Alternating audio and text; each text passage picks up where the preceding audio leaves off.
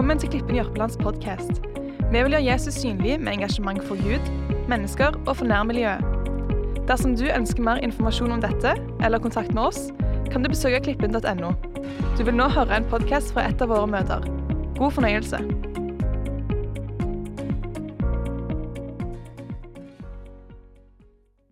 Du, jeg har lyst til å dele eh, litt med dere i dag. Eh, jeg har eh, studert en av Paulus sine avskjedstaler til de som bor i Efesus, eller Efeserne. Og jeg har satt overskrifta som jeg opplevde det teksten handler om, som Paulus ønsker å overlevere, som er åndelig lederskap. Eller sunt åndelig lederskap. Og Helt i starten så har jeg lyst til å dele et sitat av Peter Haldorf, som, som jeg opplever tar med det summen av det Paulus snakker om, og koker ned til kjærlighet.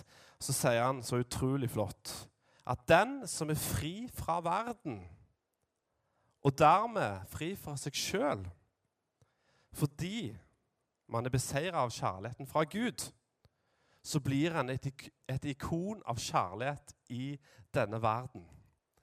Det er kun Guds kjærlighet som kan befri oss ifra oss sjøl, som kan befri oss ifra verdens tankeganger, som gjør at du og jeg kan bli som et ekko av Jesus. Du og jeg kan bli som et ikon av kjærlighet. Det syns jeg var flott. Om du lar deg forme av den kjærligheten som vi adresserer til Gud, så blir det bra. Tidligere så har vi her på Klippen hatt en møteserie om efeserne, eh, som jo Paulus var misjonær i og etablerte, og han var der i tre år. Så jeg tenkte at det kunne være fint å ta litt tråden opp igjen eh, og se litt på avslutningen av hans forhold til deg. da. Eh, vi skal fokusere på deler av kapittel 20 i Apostlenes gjerninger. Og Den hellige ånd har minnet Paulus på at det går mot slutten for hans misjonale liv og hans reis. Jeg er glad i å se film. Derfor har jeg prioritert et eget rom i huset med storskjerm, hvor jeg liker å koble av og bare se film. Eh, og det er veldig vanlig at når folk dør i film, så er det liksom close up med kameravinkelen, og så, så ser vi at de som dør, har et behov for å overlevere noe viktig. Eh, og det er med de brillene at jeg bare kjente på når, jeg, når Paulus vet han går mot slutten, så er det et eller annet her som er viktig for oss å lytte til. Og det var noe som var viktig for Paulus å videreformidle. Så det trigga meg å forsøke å få tak på hjertet til Paulus. For jeg opplever han har noe viktig å si. Han hadde noe viktig å si til deg i Efesus, men jeg tror òg i høyeste grad at det er relevant for oss i dag. Etter tre år som sagt, i Efesus så staker Paulus ut kursen for det som skal bli hans siste misjonsreis. Mens han er i Efesus, så bestemmer han seg for at han vil at det skal avslutte i Roma, som er verdens hovedstad. Eh, men han har et brennende hjerte om å gå innom Jerusalem og feire pinse. Hvis han rekker det, så har han veldig lyst til å gjøre det. Selv om Den hellige ånd advarer han om at der vil han møte på motstand, så kjenner han at kjærligheten til Gud for, til de menneskene der er så stor at han ser på det som en forberedelse mer enn en advarsel. Vi møter en Paulus i kapittel 20 som har det travelt. Han har lyst til å gjøre noen stopp langs veien for å veilede, for å trøste og ikke minst for å møte mennesker som han setter pris på og er glad i. Og Et av disse stoppene er, foregår i en plass heter Troas. Eh, der holder de gudstjenester for å feire nattverden. Det syns jeg var litt stilig. Hovedagendaen for å møtes var for å feire nattverden.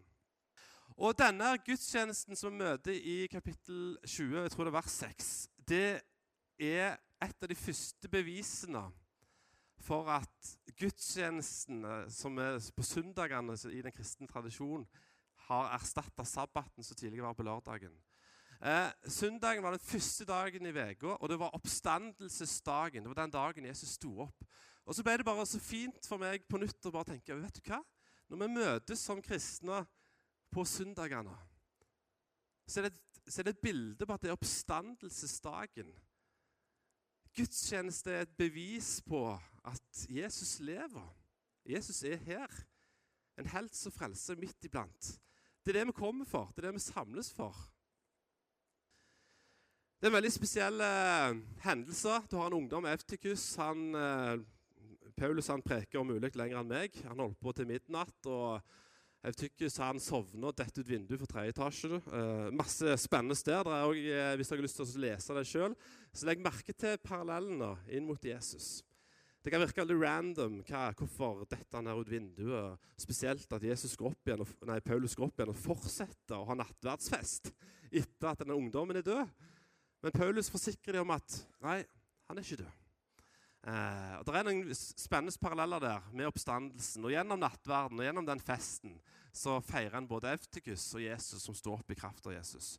Men det, det er spennende. Ta så Les det. det. det. er mange kule ting, detaljer der. Men det har vi ikke tid til i dag. Eh, denne gudstjenesten viser oss en viktig ting som jeg har lyst til å bare highlighte. Og det er at i apostelgjerningene 2, 46, så står det at de kristne de møttes hver dag i hjemmene. Og de delte brøda. Det virker som, på meg i hvert fall, Nå er ikke jeg utdannet teolog, så jeg, jeg, hva vet jeg, men, men det lille jeg har lest, da, eh, så får jeg et inntrykk av at det var en på en måte daglig del av måltida å ha nattverd. Det var noe som var prioritert, det var noe som var konkret. Det var en, del, en, ting, en illustrasjon på noe som, som en tok fysisk del i. Og gjennom en praktisk handling så vitner det om hele frelsesverket. Det vitner om at jeg får ta del i dette. og Jeg trenger å ta del i Jesus' frelsesverk, i Jesu kropp. Det står i Isaiah 53, og det tenker jeg ofte på når jeg tar brød i min egen munn og tygger. For jeg ble knust for dine misgjerninger. Straffen tok jeg, tok jeg, på meg for at du skulle få, skulle få gå fri. Paulus viser her at nå er han en moden mann, godt voksen. Noen vil kanskje si gammel. Eh, han var under 60 da, så, så, Paulus ble ikke veldig gammel i, i vår tid. Men han var en moden mann, og fremdeles så bare illustrerer han viktigheten de møttes for å ha nattverd, og alt ble spunnet rundt det. Så nattverd det er viktig for oss å, å feire. Etter å ha prekt hele natta, helt til det blir morgen, så eh, skal han reise videre på reisen. Det har gått to uker siden påske, og det haster om han skal rekke å komme til Jerusalem til pinse. Selv om Paulus og alle medarbeiderne hans har det travelt, så klarer ikke Paulus å reise forbi Efesus uten å hilse på dem. Men han har ikke tid, så han sender et bud bort, og de skal møtes. Han har òg blitt påminnet av Den hellige ånd at han ikke skal få treffe dem igjen. Dette blir siste anledningen hans. Og Da kjenner han i hjertet at han er bare nødt til å møte dem. Og Så treffer han dem i den greske byen Miletos, eller et eller annet. jeg vet ikke hvordan det uttales, Hvor han holder en av sine store avskjedstaler.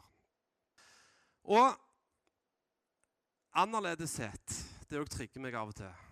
Eh, og det var et eller annet når jeg leste dette kapittelet og denne talen, så ser jeg at den skiller seg veldig ut fra resten av apostelgjerningene. For i resten av boka så ser vi at Paulus og de andre de henvender seg til jødene. De henvender seg til de ikke-troende eh, hedningene. Og de henvender seg til de som anklager de, som forsvarstalere osv. Men for første gang i hele denne boka, så vidt jeg i hvert fall kan se, eh, så henvender Jesus, uh, unnskyld, Paulus seg til et gjennomsyra kristent miljø. til de eldste, eller til lederne i Efesus. Og han viser ved eksempel hva sunt åndelig lederskap hvordan det kan, og hvordan det bør se ut. Før vi leser denne talen, som vi skal gjøre, så ønsker jeg at vi skal ta oss og be litt sammen. Far i himmelen, jeg ber om at du skal bare tette gapet mellom hva ditt ord sier, og hvordan vi lever våre liv. Fyll oss opp med dine ord, og la ordene bli virksomme i oss. La de ord som kommer fra deg, bli vår målsnor til etterfølgelse. Kom Den hellige ånd og hjelp oss i dag. Lær oss og vis oss hvordan vi kan tilnærme hva vi nå skal høre. Takk for at du er midt iblant i denne stunden. En helt som frelser. Skap noe i dag. Erstatt likegyldighet med engasjement. Erstatt lunkenhet med kjærlighet. Lær oss å lede, lær oss å leve, lær oss å elske. Takk for at det står at dine ord er virksomme, og de kløyver inn til marg og bein. Og vi derfor kan forvente at du skaper endring i oss. Vi inviterer deg inn, du er velkommen, og fyll oss med ditt sinnelag. Amen. Eh, vi skal lese fra vers 16. Eh, vi leser litt og litt og stopper opp og kommentere litt rundt, så vi skal ikke lese alt sammenhengende. Litt for å spare tid, ikke gå dobbelt opp. For vers 16 der står det For Paulus hadde bestemt at han ville seile utenom Efesus for å ikke bli hefta i Asia. Han visste at skulle han reise innom der, så var hjertet hans så stort han var nødt til å stoppe opp flere plasser. Han måtte fokusere. Han skyndte på for om mulig å være i Jerusalem til pinsedagen. Fra Miletos sendte han bud til Efesos og kalte til seg menighetens eldste. Da de var kommet, talte han til dem. Legg merke til det han sier her. Dere vet hvordan jeg har gått fram hos dere hele tiden. Fra den første dagen jeg satte foten i Asia. Og jeg, jeg vil stoppe opp og si at dette er mitt første punkt som kjennetegn til et sunt åndelig lederskap, og det er åpenhet. Det er En amerikansk psykolog som heter Stephen Paul, og han sa at folk vil aldri forstå deg før du er villig til å vise dem hvem du er. Paulus han hadde bretta ut livet sitt eh, mens han var i Efesus. Legg merke til at Paulus kommer ikke her og briljerer med å fortelle om alle resultatene, alt de har oppnådd. Han sier dere vet hvordan jeg har gått fram foran dere. Jeg har vært åpen med dere. Dere har sett min sårbarhet. Dere har sett mine feil. Dere har sett mine styrker.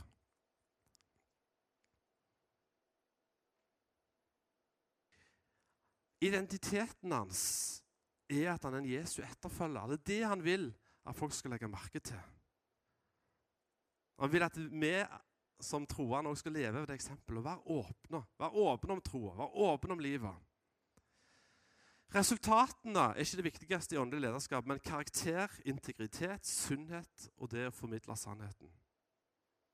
Paulus han veileder med å leve i sammen. Det står i vers 31.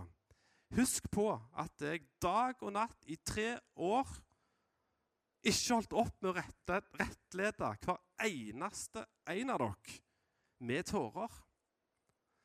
Her ser du personen til Paulus.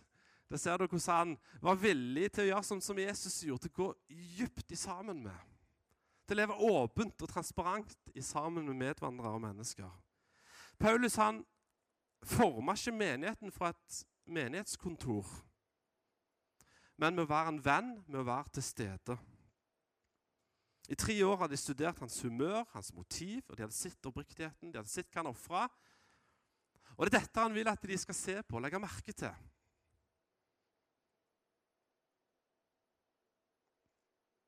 Det var en som sa at man trenger styrke for å bære en rustning, men en trenger mot for å gå uten.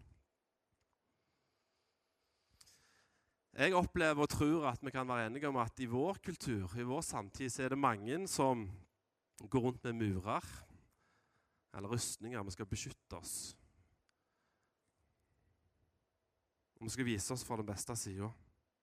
Men det krever mot å være åpen og være ærlig om livet. I vers, Vi skal lese videre fra vers 19. Der sier Paulus.: Jeg har tjent Herren i all ydmykhet og med tårer i alle de prøvelsene som jødene har ført over meg med sine onde planer. Det leder oss til punkt nummer to, hva som kjennetegner åndelig lederskap. Og det er ydmykhet. Det greske ordet for ydmykhet er doulos, som betyr tjener. Det er alltid en fare når Den hellige ånd bruker oss, at vi blir store i hjernen og ikke i hjertet. Jeg har fått kjent på det sjøl. En gang så fikk jeg lovt med Guds nåde å be for en som ble helbreda. Det gikk litt å håpe meg istedenfor et hjerte. Så ble jeg stor sjøl, men det var jo helt feil, for det hadde jo ingenting med meg å gjøre i det hele tatt. Jeg har hørt en definisjon på ydmykhet som jeg synes var nydelig. For jeg tror det er mange som misoppfatter hva ydmykhet egentlig dreier seg om. Vi har lett for å tenke at ydmykhet er å se liksom smått på seg sjøl.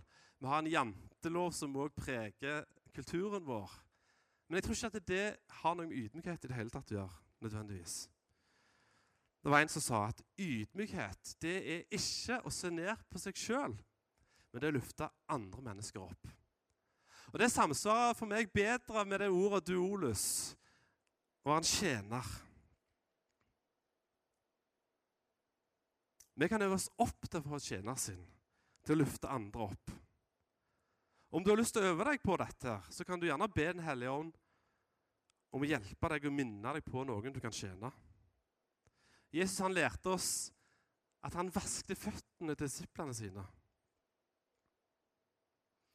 Ydmykhet det kan velges før det føles naturlig. Det er noen som sier 'fake it to make it'. Jeg tror at øvelsen i seg sjøl, selv, selv om at du gjerne i natur tenker at det er unaturlig for meg å vaske føttene til noen, eller å på en måte ja, Ikke bokstavelig ment, selvfølgelig, men, men så er det noe med at når du gjør det, når du praktiserer tjeneren sin, når du går ned for å lufte andre mennesker opp, så skapes det i større grad en naturlig greie. Fordi du opplever at Wow, dette er flott. Du ser et smil. Du ser noen som lufter hodet litt. Du ser noen som blir begeistra. Du ser noen som blomstrer. Og så erfarer en at wow, ydmykhet, som Gud snakker om så mye, det er jammen kult. Det er jammen meg spennende å få lov til å være med og leve på den måten. På samme måte som du kan trene muskler, noe som ikke jeg har tålmodighet til. Line har ønsket flere ganger, men det nytter ikke. så kan du øve opp ydmykhet. I samme vers vil jeg headlighte et tredje punkt som kjennetegner sunt åndelig lederskap. Og Det står at og med tårer i alle de prøvelsene jødene har ført over meg for å føre onde planer. Når en står som en troende og ønsker en Jesu etterfølger, så vil en møte på prøvelser og motgang. Det er naturlov. Og motgang og prøvelser, det, det liker vi ikke. sant? Altså, det er ikke kult, det er ikke kjekt, det føles ikke godt. Hvis jeg hadde vært en trepinne, eller du en trepinne, og det kommer noen med sandpapir og pusser på de harde kantene i livet ditt og mitt liv, så hadde det sikkert ikke vært godt. Men resultatet av motgang og prøvelser det er ofte at de edgene, eller våre blind spots, eller at vi blir rundere i kantene. At vi lærer av det. Om du tenker at ja, jeg, har ikke noen harde kanter, jeg, eh, så vil jeg gjerne ha snakket med kona di eller eh, far din eller sønnen din. Og så er jeg sikker på at du òg, som jeg, har dine ting. Og Gud, han vet om våre feil. Han vet godt om våre mangler. Men han kan bruke oss for det om. Og jeg tror faktisk at prøvelsene er en del av hans plan. Det er klart at når Jesus var i båten og det storma voldsomt, han kunne med en gang reise seg opp. og sagt stille, som han gjorde på et senere tidspunkt. Men det prøvde troa deres, så han måtte jo rette dem og si 'Så lite tror dere har'. Og det har jeg fått smakt på sjøl i livet. Hvor lite tro jeg sjøl har. Men så vet jeg at Jesus sitter i den der båten. Og det er så deilig og så viktig å ha med seg når en opplever motgang. Et eksempel. Jeg kom over på Internett en gang at hvis du tar en masse med en type stål til verdi av 50 kroner Hvis du da varmer opp det, du banker det, du former det, du strekker det, og du lager en hestesko ut av det, så kan du gjerne få 200 kroner for den samme mengde metall.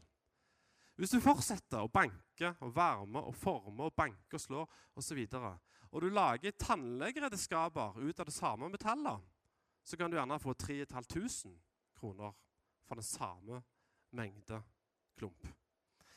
Hva er poenget? Det skjønner dere sikkert sjøl, men jeg tror at grunnen til at du møter motstand, kan òg være fordi Gud har bruk for at du skal bli en enda mer effektiv leder for framtida. Og så er det ikke lett å si at vi skal omfavne dette, her, fordi vi avskyr det jo. ikke sant? Men det med å ha litt den der roen med at Fall til ro med at kanskje Gud har en plan med dette. her. Kanskje jeg trenger å bli litt mykere i kantene. Hvis Gud er for meg, hva betyr det da om mennesker er imot meg? Jesus snakker om jeg tror jeg hørte en gang at det var 366 ganger, til og med en gang for skuddår, at frykt ikke Menneskefrykt det kan beseires med Guds frykt. Ikke gi deg, ikke la deg knekke. Vet at motgang kan lære deg visdom som vil bli til velsignelse for andre. Vi leser videre vers 20. Dere vet at jeg ikke holdt noe tilbake som kunne være til gagn for dere. Den bare elsker jeg. Wow. Eh, dere vet at jeg ikke holdt noe tilbake som kan være til gagn for dere.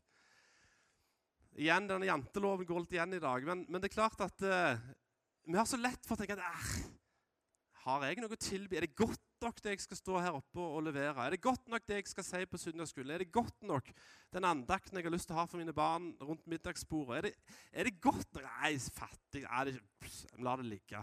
Sant? Eller at du kanskje er litt sånn som meg, som Du er gjerne frimodig, og du sier det likevel, selv om du tenker at det ikke er godt nok. Uh, og så sitter du allikevel og kjemper litt på at dette var fattig. Men her møter vi liksom noe som, som Paulus oppfordrer disse lederne til. Jeg tror det gjelder til oss òg i dag. at Jeg holder ikke noe tilbake som kan ha betydning for dere. Han vet ikke. Han vet ikke hva Gud vil gjøre med det han leverer og utleverer. Men han er en lydig, han er en såmann. Han leverer ut. Det står videre. Men jeg har forkynt for dere og undervist dere, både offentlig og i hjemmene. Jeg har vitna for både jøder og grekere om omvendelse til Gud og troen på vår Herre Jesus. For jeg har på ingen måte unnlatt å forkynne hele Guds plan og vilje. Kjennetegn nummer fire til åndelig lederskap. Jeg har valgt å oppsummere det i ord raushet og balanse. Raushet i den grad at vet du hva, hvis det er noe jeg har sett, hvis jeg har fått vært vitne om noe som Gud har gjort, så, så, på en måte, da vil jeg gi det videre. Hvis det kan være til nytte for noen, om det bare er så bitte litt, så skal jeg ikke holde det tilbake.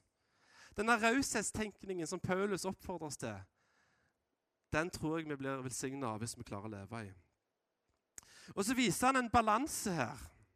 Han snakker om at han både underviste og lærte. Og jeg måtte på en måte gå litt inn i hva, hva er egentlig forskjellen. Han snakker om at han både gjorde dette offentlig og hjemmene. Igjen balanse.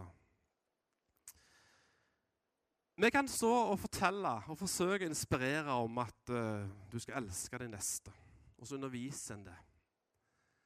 Og Predikanter, med de som taler, de er jo veldig glad når folk i salen sier ja, come on, preach it. sant? Undervis det. Veldig bra. sant? Men kanskje vi burde hatt en mye større kultur og fremelske det med teach it. Lær meg dette her. For det er en forskjell på det. Nå er ikke jeg pedagog, eh, men jeg snakket med en som var pedagog om akkurat dette. Jeg måtte ringe Thomas. Og det er klart, det å, det å undervise Du kan snakke så mye fra en talerstol eller fra en scene offentlig og mane ut om Guds ord osv. Men det å lære, det er noe helt annet. Da må du, ja, det er flere, Nå ble jeg ydmyk av flere lærere her og rektor og greier. men når du skal lære, så må du gå ned på et plan. Du må skjønne hvem du snakker til. Du må vite hvor langt det er kommet på reisen. Du må gjerne spørre hvem er vanskelig for deg å elske. Så må de gjerne klare å komme opp, de må sette ord på det sjøl. Og så må de gjerne gi øvelser. Ja, hva, hva, tenker du, hva kan vi gjøre med dette? Hva sier Jesus om dette? Ja, hvis en ikke vet det, så må en gjerne få en anledning til det. Da vet jeg hva jeg skal snakke om. Da vet jeg hva jeg kan gi deg. Og så må en gjerne ha en oppfølging. Jeg må gjøre det over tid. Jeg tror at å lære det krever å gå mye tettere på enn å undervise. Og så snakker Bibelen om et femfoldig forståelse av tjenestegavedrustning. At vi trenger alt. Det er ikke nok å undervise for den scenen. Det er ikke nok med bare gudstjenester. Derfor, derfor så brenner jeg sånn personlig for dette med smågruppefellesskap. Jeg tror det er livsviktig. Og jeg tror at det går an å bygge kirke uten å gjøre disipler. Men det går ikke an å gjøre disipler uten å bygge kirke. En, en, fyr spurte meg i 2018 et spørsmål som har plaget meg i mange år. Hvordan gjør du disipler på klippen din? Wow. Ikke gi meg det spørsmålet, please. Og jeg vil gi det til dere, fordi det ikke, dette er ikke mitt oppdrag. Jesus har kalt alle troende. Det første, siste Jesus sa med ref. Paulus, det er viktig det siste du sier, ref. film. Når Jesus forlater oss, forlot oss fordi det var det beste for oss, og sendte Den hellige ånd, så sier han gå ut til hele verden og gjør disipler.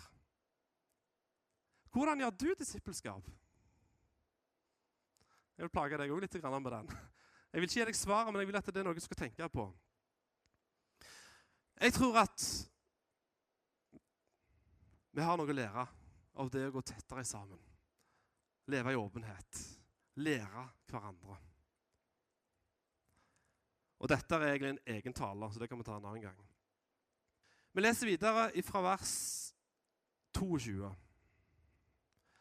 Og nå drar jeg til Jerusalem bundet av Ånden. Hva som skal møte meg der, vet jeg ikke. Men Den hellige ånd vitner for meg i by etter by og varsler om lenker og forfølgelser som venter meg.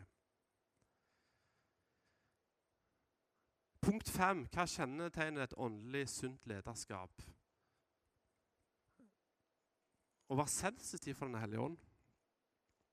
Jens Petter Jørgensen, grunnlegger av oasebevegelsen, var her i bønneveka. Er det en fyr som, eh, som, jeg kjente jeg hadde ørene opp for, så var det han. Han hadde så mye visdom. Og Han sa på et innlegg på Facebook som han kalte for 'Tirsdagstanker' Jeg søker ikke Gud for at han skal komme nær, men for å forstå at han alt er nærværende. Wow, for et perspektiv. Å være sensitiv for Den hellige ånd å forstå Martin Cave, som, som, eh, som, noen Han har vært her, og nå kommer Stiv Bruns, som er i samme kirke. Han lærte oss et eksempel en gang og sa at jeg har slutta å be Gud eller Den hellige ånd om hva skal jeg gjøre nå. Men han har begynt å be bønnen. Hva gjør du nå, Gud? Hva gjør du nå? Hva er det som du er i gang med å gjøre akkurat nå? Vis meg det. La meg få lov til å være brikka i det, om mulig.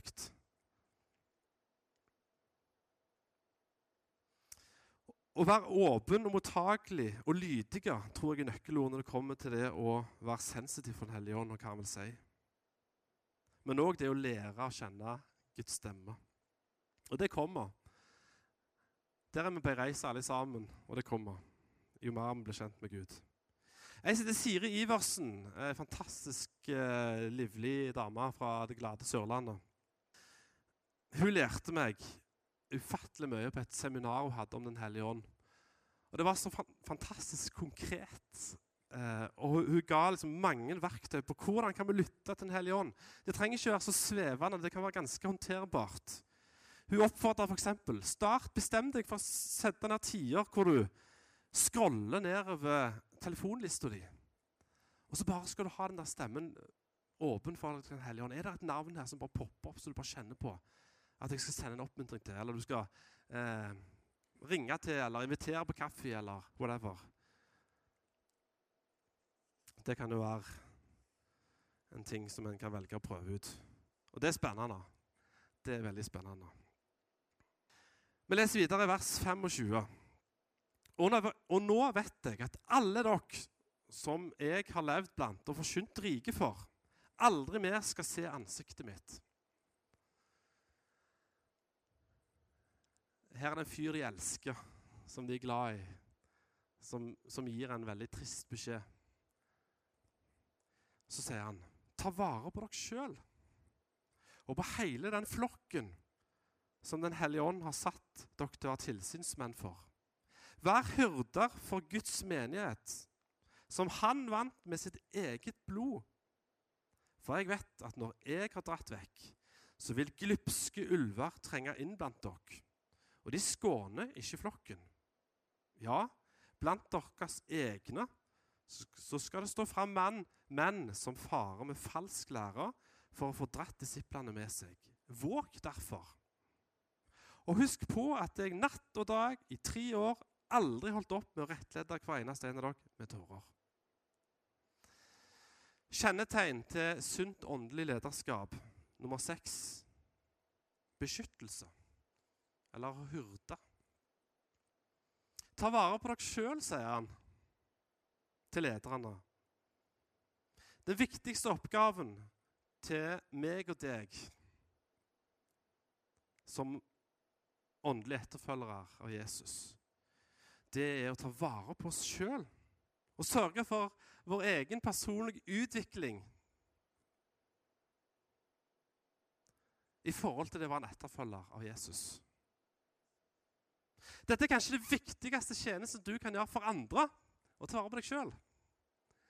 Og der går vi jammen meg ofte på smeller, i hvert fall jeg. Vi tenker at tjeneste, ydmykhet, det handler om å springe rundt og oppgaver og tjohei og Ja, det trenger ikke være usant. Men hvis det går på bekostning at du ikke tar vare på deg sjøl, så vil jeg påstå det er usant. Jeg skjønner dere forskjellen.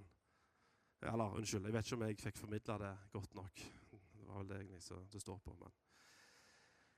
Martin Luther Jeg merker selv Nå refererer jeg veldig mye lutheranere i dag. Vi har jammen mye å lære. Vi må ikke tro at, at vi bare har sittet på all, alt det gode. Selv om vi òg har forstått ting som er viktig, så andre trenger å forstå. Men Martin Luther han skrev om det å hyrde en menighet. Jeg har forsøkt å oversette det så godt som jeg kunne. Og jeg syns dette var spennende. Han sier selv om jeg taler rett og hyrder flokken med sann doktrine, så forsømmer jeg min plikt om jeg ikke advarer sauene om ulvene. For hvilken bygningsmann var jeg om jeg skulle bygge murstein, og så å stå og se på mens en annen river den ned? Ulvene lytter ikke til vårt budskap om å gå de gode veiene. Sauene som har vokst seg sunne og sterke, er enda mer attraktive for ulven. Men ulvene liker ikke når vakthunden står på vakt, klare for kamp. Jo feiere sauene er, jo mer, jo mer er ulvene på. Jo mer lik Jesus du er blitt, jo mer er du blitt fora og næra av Guds ord, jo mer attraktivt bytte er du for djevelen står Johannes 10,10, 10, som er jo viktig å ha med seg, at han er der kun for å stjele, drepe og ødelegge. Men han liker ikke når vakthunden står klar for kamp. Han liker ikke de hyrdene, de der som står og beskytter. Og så vet vi at Den hellige ånd går foran oss med forbønn som ikke kan uttrykkes med ord. Han er vår hyrde. Jesus er vår ypperste hyrde. Kjetil Andersen registrerer jeg i Huskirken. Han sier alltid at, at vi er alle sauer foran og hyrder bak. Vi alle etterfølgere av Jesus. Samtidig så skal vi få lov til å hurde noen andre. Og Så må ikke du tenke her at ja, nå snakker du bare til Eldsterådet. Nei. Mette Boje Igjen masse lutheraner i dag. Herlig. Mette Boje hun underviste her og sa at Hvordan vet du at du er en leder? Det er bare til å snu seg og se hvem som følger etter. Du kan stå på en scene her og være en uttalt leder, men så er det ingen som følger deg. Jeg husker jeg så Anniken ikke du er der, jeg er på Sunderskolen. Anniken her om dagen går vet du, bort gjennom, så ser du akkurat sånne andunger som, som følger etter. Er sånn rekker av alle ungene og følger etter. Der har du en leder. Og I det perspektivet så, så ser vi at dette budskapet her, det gjelder, det gjelder oss alle. Vi alle er ledere for noen. Luther sa òg en taler må både være en soldat og en hyrde. Han må gi næring til, forsvare og lære. Han må ha tenner i munnen og være i stand til å bite og slåss. Aha. Det er en god hyrde. David var en god hyrde. Han tok slynger, han tok stein. Han, var, han, han slo ned det som var ute for å ødelegge flokken hans. Det er en del av det å være Å utøve sunt åndelig lederskap. Det kan av og til smyge seg fram en sånn tanke og en sånn snillisme iblant oss. At det er hellig og rent å være så snille. Sant? Vi skal aldri på en måte trykke noen på tærne. Jeg opplever disse ordene utfordre tankegangen min. i hvert fall. Vers 32, og vi, vi går mot en avslutning. Og nå overgir, overgir jeg dere til Gud og Hans nådeord. En fin ting å overlevere folk til, en trygg havn. Som kan bygge opp og gi dere arven sammen med alle dem som har blitt helliget. Husk de ordene Herren Jesus selv sa. Det er saligere å gi enn å få. Da han hadde sagt dette og nå er vi helt på slutten. Nå, jeg, nå er kameraet zoomet opp inn på ansiktet til Paulus. Nå er du helt i essensen. Så sier han Da han hadde sagt dette, falt han på kne sammen med dem alle og ba. Da brast alle i gråt og falt Paulus om halsen og kysset ham. Det som ga dem mest sorg, var det han sa om at de aldri skulle få se han igjen. Så fulgte de han til skipet. Siste tingen som jeg har lyst til å highlighte som Sånn som jeg tolker teksten, kan være et kjennetegn på åndelig sunnhet og lederskap. Det er bønn. Paulus forsto at lederskap er viktig. Å rekruttere ledere, bruke teamledere, være nært på. Og at bønn var det viktigste verktøyet. Altså samtaler og direkte, direkte samvær og henvendelser til Gud. Hvis lovsangsteamet kan gjøre seg klar. Løsningen på å bli sunne åndelige ledere det er å leve nær til Gud. På den måten så blir vi sunne åndelige ledere med at vi etter hvert vil utøve åpenhet. At vi vil bli mer ydmyke. At vi vil takle motgang og prøvelser på en bedre måte. At vi vil bli mer rause. Vi vil bli opptatt av de rette balansene. Vi vil bli sensitive for hva Den hellige ånd vil si. På å hyrde og beskytte og bite når det trengs, og kaste stein når det trengs. Det står ikke bokstavelig. Dere forstår det bildet med, med David.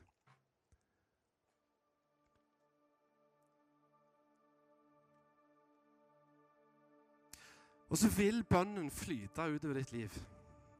Det vil bli en naturlig ting av din hverdag.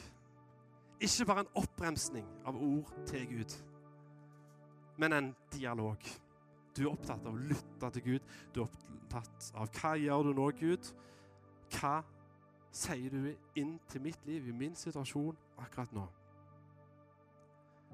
Derfor er min hovedutfordring til deg i dag Om det er for første gang du bestemmer deg, eller om det er for tusende gang At du på nytt prioriterer den viktigste tjenesten du kan gjøre for andre, som er å velge den gode del.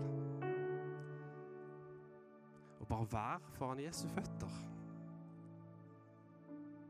Det står da i Salme 1 at du skal da bli som et tre som er planta ved rennende bekker, som gir frukt til si tid. Det kan godt være at du, ditt tre eller ditt liv ser litt sånn stusslig ut. Uh, unnskyld, det hørtes stygt ut, men At du føler at du har liksom ingenting å gi. En pound plutselig en dag. Så vokser det frukter som andre tar ned. Som andre blir velsigna av. Som andre blir begeistra av. Som andre får næring av i hans tid. Ikke i de tid, for vi vil jo at det bare bam skal komme med en gang. ikke sant? Men jeg tror kanskje den motgangen og prøvelsen og den reisen som vi får lov til å være på som etterfølger av Jesus, er så mye viktigere enn resultatene. Tenk òg gjerne igjennom om det er en av de områdene vi har snakket om, så du bare kjenner Gud nå mens vi lovsynger. At du opplever at du trenger, eller at du er motivert for å utvikle deg på. Da kan det være smart å be medvandrere om hjelp. Kanskje er du så heldig som får lov til å gå i life-gruppa, hvor du kan, er trygg på en gjeng som du kan si, og være åpen om og si Vet du hva? Nå, nå, nå kjenner jeg at det, jeg, jeg, er arrogant, jeg er ikke ydmyk. Jeg, jeg, har ikke det tjenersinnet. Det faller meg ikke naturlig å skal vaske føttene til andre. og jeg kjenner at jeg, jeg, har så lett for å sette meg ned hjemme foran telefonen og være på YouTube istedenfor å være med ungene, eller ditt eller datt. Mal som ligger på sofaen istedenfor å velsigne ungene. Det kan være så mangt. Tjener sin. Kanskje det er det som trigger deg. Del det med noen. La noen få tale inn i livet ditt. La noen få lov til å være med og be for deg, heie på deg. La noen andre få lov til å være med og, gi, og lære deg og gi deg eksempler. Og gi deg ting du kan øve deg opp til å prøve ut. Så du kan bli oppfylt. Og Hvis du ikke går i life-gruppa, så går det selvfølgelig an å bli med i småfellesskap. Eller du kan få lov til å gå til noen som du har i livet ditt. En bror, en far, en kamerat, hvem som helst. En pastor.